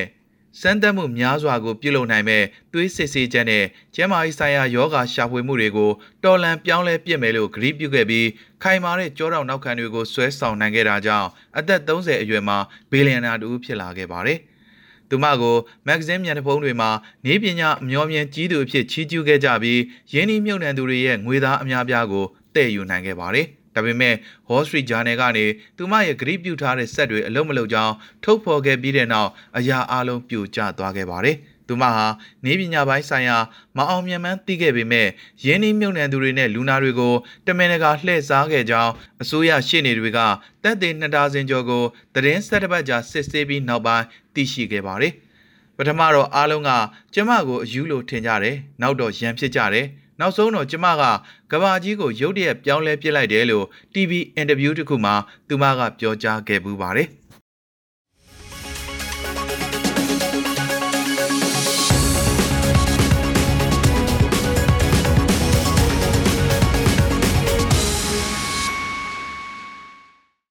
ခုကတော့ပတ်စဉ်တင်ဆက်ပေးနေတဲ့ Nature Article အစီအစဉ်မှာ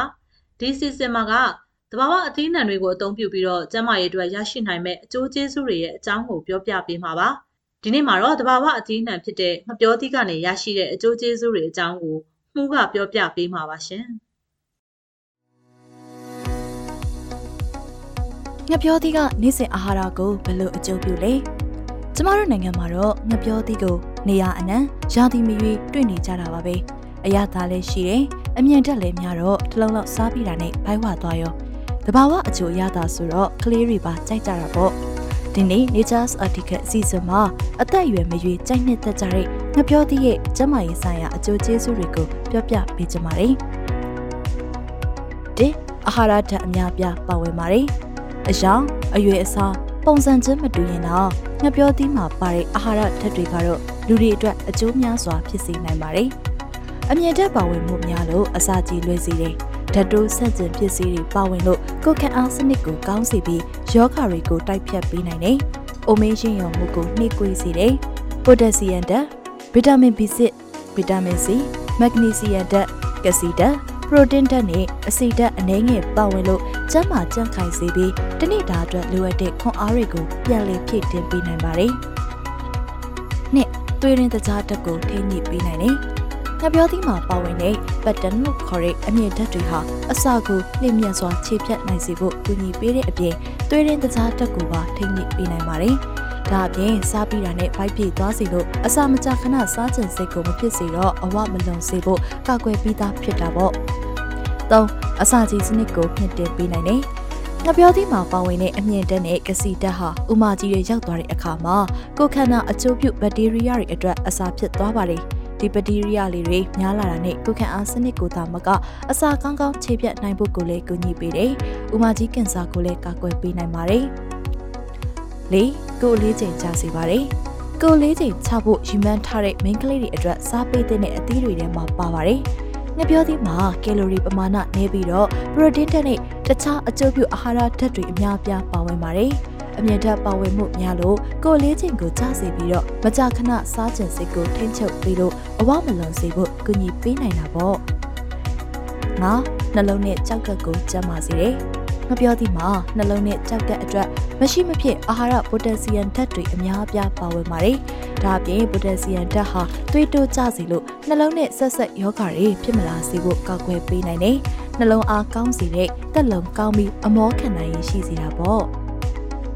6ငါပြောသည်မှာဓာတ်တိုးစန့်ကျင်ပစ္စည်းတွေအများအပြားပါဝင်ပါတယ်။ဟင်းသီးဟင်းရွက်နဲ့တတိဝလံတွေမှာကိုခန္ဓာအကျိုးပြုဓာတ်တိုးဆက်ကျင်ပစ္စည်းတွေအများအပြားပါဝင်တာကိုသိပြီးသားဖြစ်မှာပါ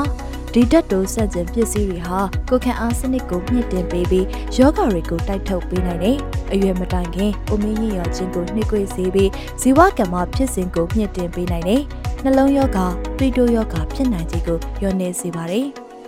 ခေါ်အာကစားသမားတွေအတွက်အကျိုးပြုပေးတယ်။ငှက်ပြောသီးကတနေ့တာအတွင်းကုံဆုံးသွားတဲ့အာရင်တွေကိုပြန်လည်ဖြည့်တင်ပေးနိုင်လို့အားကစားသမားတွေအတွက်သာမကပဲလေ့ကျင့်ခန်းလိုက်စားသူတွေအတွက်ပါကောင်းကျိုးများစွာဖြစ်စေပါတယ်။ပိုပြီးအမောခံနိုင်တဲ့အတွက်အလေးပင်တွေမားတဲ့အခါမှလည်းအားဆိုင်လို့ရတာပေါ့။အချိန်တို့တွင်ကြက်သားတိဆောက်ဖို့အီမန်ထားတဲ့အကိုရီအနေနဲ့ငှက်ပြောသီးကိုဂျင်းမကစားခင်တလုံးလောက်ဖြစ်ဖြစ်စားပေးတာကပိုကောင်းနေနော်။ အခုတင်ဆက်ပေးခဲ့တာကသဘာဝအသီးနှံဖြစ်တဲ့ငှက်ပြောသည့်ရဲ့အကျိုးကျေးဇူးရအကြောင်းတွေကိုတင်ဆက်ပေးသွားခဲ့တာပါ။နောက်တစ်ပတ် Nature's Article အစီအစဉ်ကနေဘယ်သဘာဝအသီးနှံရဲ့အကျိုးကျေးဇူးရအကြောင်းတွေကိုတင်ဆက်ပေးသွားမလဲဆိုတာကိုစောင့်မျှော်နားဆင်ဖို့ဖိတ်ခေါ်ရင်ဒီတစ်ပတ်ရဲ့အစီအစဉ်ကနေနှုတ်ဆက်လိုက်ပါတယ်။နားဆင်ပေးခဲ့ကြတဲ့ပရိသတ်များအားလုံးကိုကျေးဇူးအထူးပဲတင်ရှိပါတယ်ရှင်။ ဘာဝအသိဉာဏ်ကရရှိခဲ့တဲ့အကျိုးကျေးဇူးတွေအကြောင်းကိုပြောပြပေးခဲ့တာပါအခုကတော့ BNI အစီအစဉ်တွေကိုတင်ဆက်ပေးမှာပါ BNI ဝိုင်းတော်သားတွေရဲ့တင်ဆက်မှုကိုနားဆင်ကြည့်ရအောင်ပါ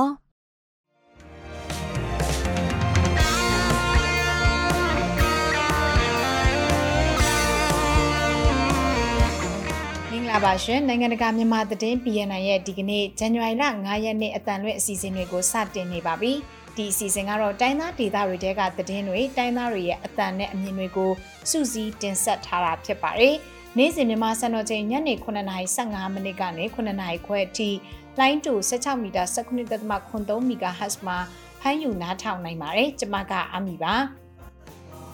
။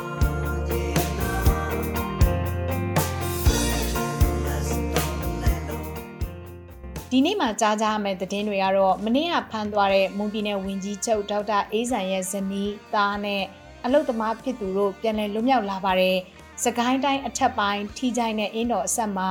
လေရင်နဲ့တိုက်ခိုက်ခဲ့တဲ့အတွက်အမျိုးသမီးတယောက်သေဆုံးခဲ့ပါတယ်။ချင်းပြည်နယ်ထန်တလန်မှာမီးလောင်မှုတွေဘာလို့ဆက်ဖြစ်နေတာလဲဆိုတာကိုနောက်ပိုင်းမှာတင်ဆက်ပေးထားပါတယ်။သတင်းတွေကိုတော့ကျွန်မနဲ့အတူဆမ်နော်ကနေတင်ဆက်ပေးသွားမှာပါ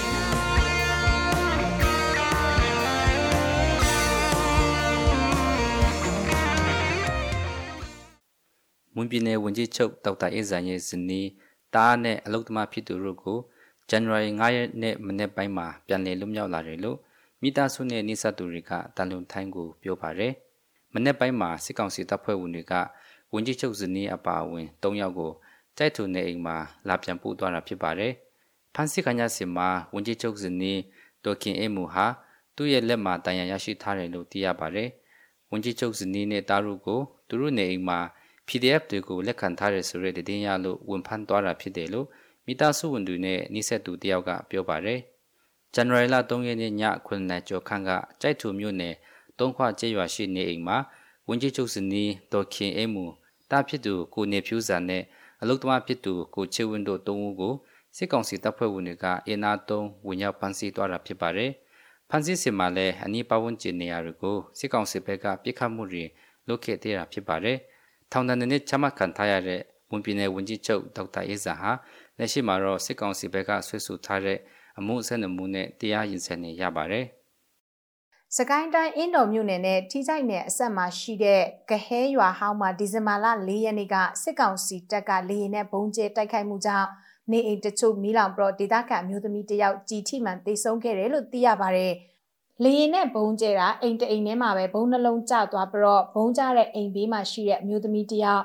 ဘုံစံထိမှန်ပြီးတော့ပွဲချင်းပြီးတေဆုံးသွားတာဖြစ်တယ်လို့ဒေသခံတယောက်ကပြောပါတယ်စစ်ကောင်စီတပ်က PDF တွေခိုးအောင်နိုင်တယ်လို့ယူဆတဲ့နေရာတွေရွာတွေတဲကိုစစ်ရဟတ်ရင်တွေနဲ့ဘုံကျဲတိုက်ခိုက်ခဲ့ပြီးကဟဲရွာမှာဘုံအလုံးရေ၈လုံးထပ်မင်းပစ်ခတ်ခဲ့တယ်လို့ထီးကြိုင် Revolution အဖွဲ့ကလည်းထုတ်ပြန်ထားပါတယ်။ မန်လေးကနေဆန်တက်လာတဲ့စစ်သင်းမော်ကို HPDF ပူးပေါင်းအဖွဲ့နဲ့ကတာ PDF အဖွဲ့တို့ကပြစ်ခတ်လိုက်တဲ့အတွက်လုံခြုံရေးယူပေးနေတာဖြစ်နိုင်တယ်လို့လည်းဒေသခံကာကွယ်ရေးတပ်ဖွဲ့တွေနဲ့နှိဆက်သူတွေကပြောပါတယ်။နောက်ပြီးအင်းတော်မြို့နယ်မဲစာယူတလျှောက်ဟဲနုအလေရွာနဲ့ပိန်အင်းရွာဘက်မှာလည်းစစ်ကောင်စီတပ်တွေကအင်အားတိုးချဲ့ပြီးတော့စစ်ကြောင်းတွေဝင်ရောက်နေပြီးပိန်အင်းရွာမှာဒေသခံတယောက်ကိုလမ်းပြအဖြစ်ဖမ်းဆီးခေါ်ဆောင်သွားတယ်လို့ဆက်ပြောပါတယ်။ စစ်ကောင်စီတပ်ကစကိုင်းတိုင်းဒေသအတွင်းမှာရှိတဲ့ရွာတွေကိုစစ်လေရင်တွေနဲ့ပစ်ခတ်တိုက်ခိုက်နေသလို PDF နဲ့ဆက်ဆက်တယ်လို့ယူဆရတဲ့ပြည်သူတွေကိုလည်းလိုက်လံဖမ်းဆီးမှုတွေပိုပြီးတော့လှုပ်ဆောင်နေတယ်လို့သိရပါတယ်ရှင်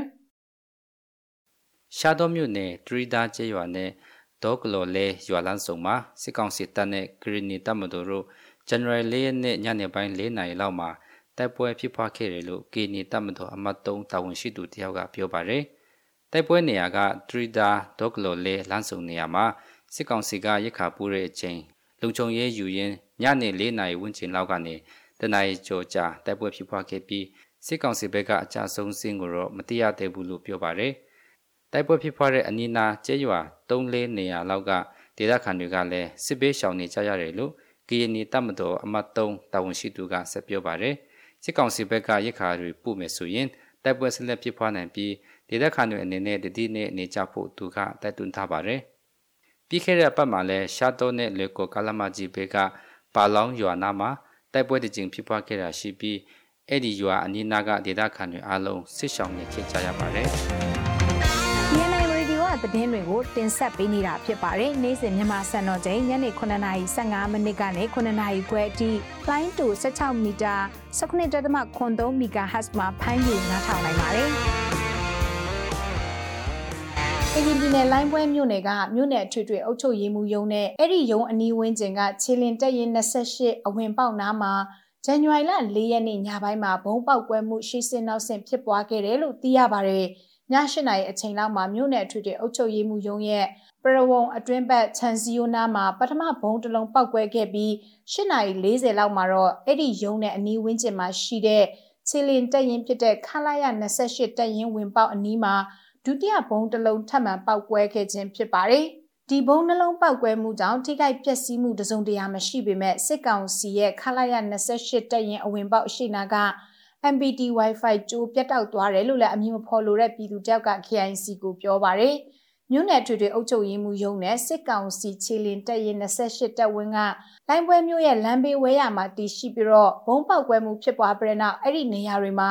စစ်ကောင်စီကလုံခြုံရေးအင်အား30ကျော်ချထားသလိုအများပြည်သူကိုလည်းတွာလာခွင့်ပိတ်ပင်ထားတယ်လို့သိရပါတယ်ရှင်။စစ်ကောင်စီကြောထောက်နောက်ခံအကျူတူလုပ်ငန်းတွေဖြစ်တဲ့မြန်မာဘီယာတကုံဘီယာနဲ့ ABC ဘီယာတွေကိုတေယူရောင်းချခြင်းမလုပ်ဖို့နဲ့တေယူရောင်းချပါကဖန်စီအရေးယူသွားမယ်လို့ကချင်လွတ်လပ်ရေးအဖွဲ့ KIO မြစ်နာခရိုင်ကပြောဆိုလိုက်ပါတယ်။ကချင်လွတ်လပ်ရေးအဖွဲ့ KIO မြစ်နာခရိုင်ရဲ့ထုတ်ပြန်ချက်ပါအချက်တွေကို2022ခုနှစ်ဇန်နဝါရီ10ရက်နေ့ နောက်ဆုံးထားလိုက်နာဆောင်ရွက်ပေးဖို့ဒီဇင်ဘာ၄ရက်နေ့ကပြောဆိုထားပါတယ်။ကချင်လွတ်လပ်ရေးအဖွဲ့ KIO ရဲ့တည်င်းနဲ့ပြန်ကြားရေးတာဝန်ခံဘူမူကြီးနိုဘူကတော့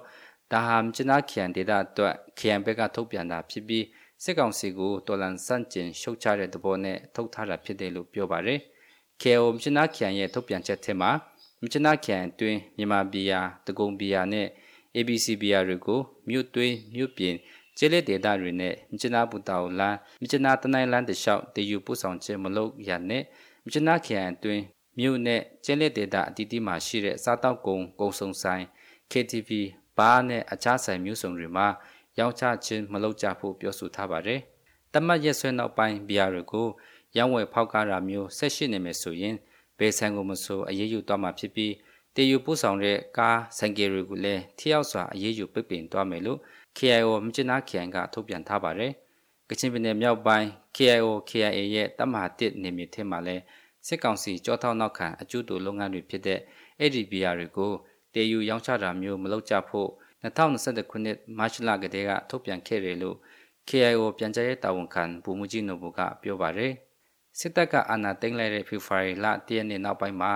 အာဏာသိမ်းမှုကိုစန့်ကျင်တဲ့ဇန္ဒဖော်ထုတ်မှုတွေစက်တဲ့ဆူလူလှုပ်ဆောင်နေကြပြီး စစ်တပ်ပိုင်စီးပွားရေးလုပ်ငန်းတွေနဲ့ဆက်ဆက်တဲ့ထုတ်ကုန်ပစ္စည်းတွေကိုလည်း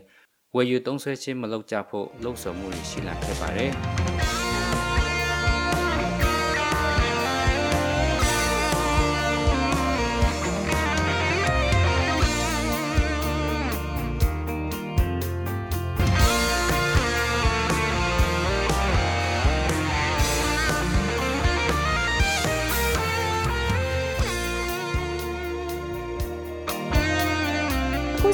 သတင်းလွှာတွေကိုတင်ဆက်ပေးပါမယ်။ချင်းပြည်နယ်ထန်တလန်မြို့မှာဇန်နဝါရီလ3ရက်နေ့နဲ့4ရက်နေ့တွေမှာစစ်ကောင်စီတပ်ကလူနေအိမ်တွေကိုထပ်မံမီးရှို့ခဲ့တာကြောင့်အိမ်ခြေ100ကျော်ထပ်မံလောင်ကျွမ်းသွားခဲ့ရပါတယ်။လူနေအိမ်တွေကိုထပ်မံမီးရှို့တာကြောင့်နှစ်ရက်အတွင်းမှာအိမ်ခြေ100ကျော်ထပ်မံမီးလောင်ကျွမ်းသွားခဲ့ရပါတယ်။လူသူကင်းမဲ့နေတဲ့ထန်တလန်မြို့ကိုစစ်ကောင်စီကဘာကြောင့်အကြိမ်ကြိမ်မီးရှို့မှုတွေလှုပ်ဆောင်နေရတာလဲအကြောင်းစုံကိုတော့ကိုရောဘတ်ကစူးစီးတင်ဆက်ပေးထားပါတယ်။ မီးလောင်မှုအကြိမ်ကြိမ်ဖြစ်ပွားခဲ့တဲ့ထန်တလန်မြို့မှာဇန်နဝါရီလ3ရက်နေ့က CDF ထန်တလန်တပ်ဖွဲ့တွေချီကုပ်ယူထားတဲ့ဘက်ကိုစစ်ကောင်စီတပ်ဖွဲ့တွေကထိုးစစ်ဆင်လာပြီးပြစ်ခတ်မှုတချို့ရှိခဲ့ပြီးနောက်မွန်းလွဲပိုင်း2နာရီဝန်းကျင်လောက်မှာစစ်ကောင်စီဘက်ကလူနေအိမ်တွေကိုထပ်မံမီးရှို့ခဲ့တာဖြစ်တယ်လို့ CDF ထန်တလန်ပြောရေးဆိုခွင့်ရှိသူကပြောပါတယ်ဇန်နဝါရီ3ရက်နေ့ညနေတနာရီခွဲဝန်းကျင်လောက်ကဟတ်စကီတဆင်းလာတယ်ပေါ့နော်အေးဂျာကာလာဒီဟတ်စကီမစင်းခင်လေးမှာတနာရီ15မိနစ်ဝန်းကျင်လောက်ကနဲ့ အာယေစခန်ထက်ကနေအာတာဝန်ကျတဲ့စစ်ခွေးတွေကဒီဆင်းလာပြီးမှကျွန်တော်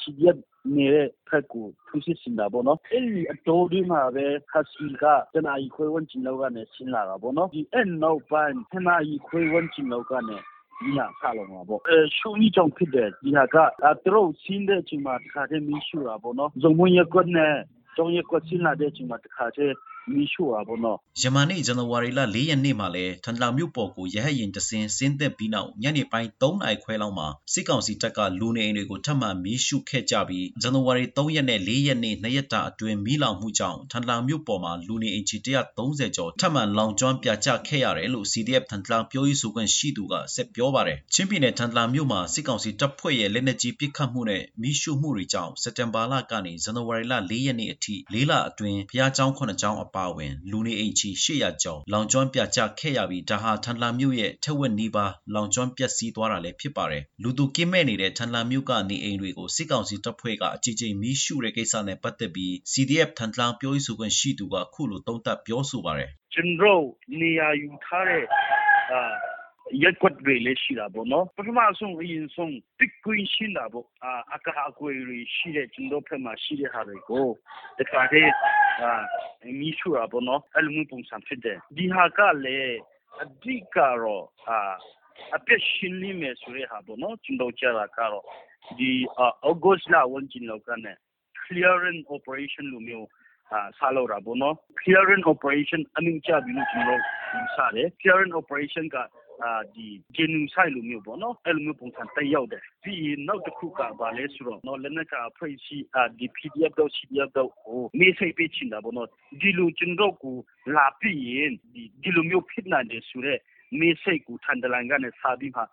ပေးချင်တဲ့ပုံပေါက်လေလို့ကျွန်တော်တို့ထားတာပေါ့နော်အင်ချီ2000ခန့်ရှိပြီးလူဦးရေ1000ဝန်းကျင်နေထိုင်တဲ့ထန်တလာမြို့မှာပြီးခဲ့တဲ့စက်တင်ဘာလ9ရက်နေ့ကစပြီးစစ်ကောင်စီတပ်ကလူနေအိမ်တွေကိုစတင်မီးရှို့ခဲ့တာဖြစ်ပြီးဇန်နဝါရီလ4ရက်နေ့အထိ၄လအတွင်းမီးလောင်မှုအနည်းဆုံး18ကြိမ်ဖြစ်ပွားခဲ့ပါတယ်။အဲဒီမီးလောင်မှုတွေကြောင့်ထန်တလာမြို့ပေါ်က Church on the Rock Presbyterian Church, Thantlang Centenary Baptist Church, United Pentecostal Church, Saint Nicholas Catholic Church, The Methodist Church နဲ့ Assembly of God စတဲ့ဘုရားကျောင်းခုနှစ်ကျောင်းမီးလောင်ပြကျခဲ့ရပါတယ်ခင်ဗျာရှမ်းပြည်နယ်မြောက်ပိုင်းနမ်ခမ်းမြို့မှာတော့တိုက်ပွဲငယ်တစ်ခုဖြစ်ပွားခဲ့ပါတယ်တအာမျိုးသားလွတ်မြောက်ရေးတပ်မတော် TNL နဲ့ဖြစ်ပွားတဲ့တိုက်ပွဲအတွင်းစစ်ကောင်စီတပ်ကပစ်ခတ်လိုက်တဲ့လက်နက်ကြီးကြောင့်အရက်သား6ယောက်ဒဏ်ရာရရှိခဲ့ပါတယ်ဒီအကြောင်းအသေးစိတ်ကိုတော့စောပွေးကပြောပြထားပါတယ်ရှင်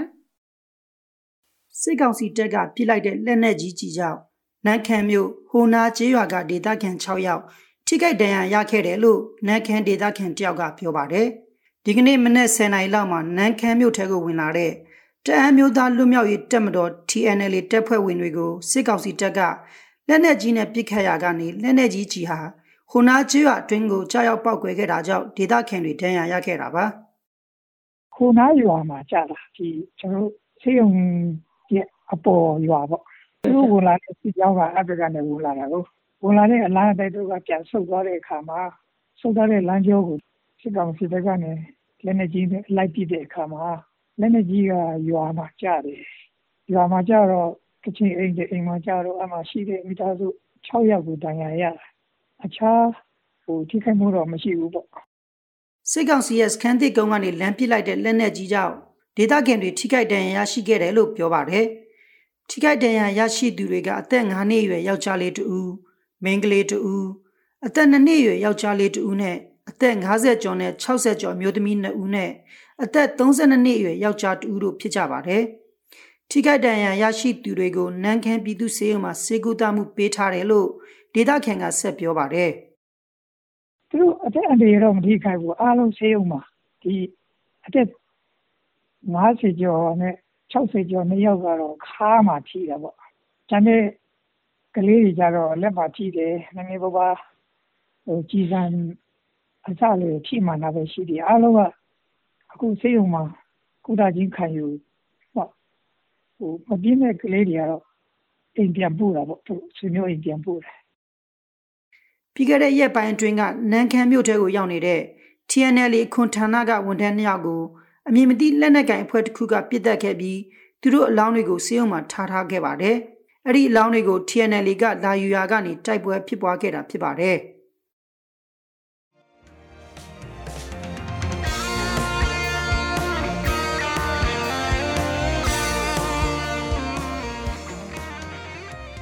နားဆင်ခဲ့ကြရတာကတော့ BNI Radio ကနေ့စဉ်သတင်းအစီအစဉ်ပဲဖြစ်ပါတယ်။ဒီအစီအစဉ်ကိုနေ့စဉ်မြန်မာစံတော်ချိန်ညနေ9:15မိနစ်ကနေ9:00ခွဲအထိ15မိနစ်ကြာထုတ်လွှင့်နေတာဖြစ်ပါတယ်။နားဆင်ပေးတဲ့အတွက်ကျေးဇူးတင်ပါတယ်ရှင်။ကျွန်မကအမီပါ။။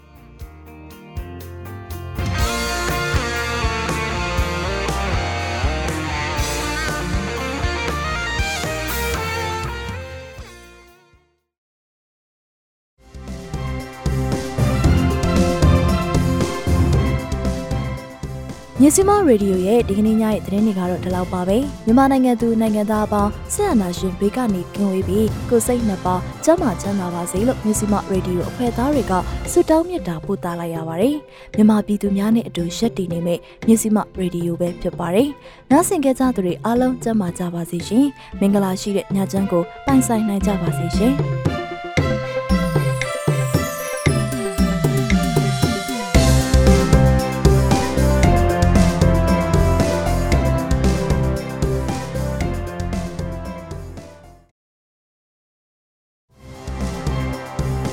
ကျမတို့ရဲ့မြစီမရေဒီယိုကိုနေ့စဉ်ည6နာရီခွဲမှည9နာရီခွဲထိလိုင်းဒိုမီတာ16မီတာစက္ကွန်တသမခွန်3 MHz ကနေပြီးတော့ဖမ်းယူနားဆင်နိုင်ပါပြီ။မြစီမရေဒီယိုကိုနားမစင်လိုက်ရတဲ့သူတွေအနေနဲ့မြစီမ News and Farming Page 108 Page မြစီမ YouTube Channel မြစီမ Website Podcast Application Podcast Anchor Podcast တွေမှာလည်းပြန်လည်နားဆင်လို့ရပါတယ်နော်။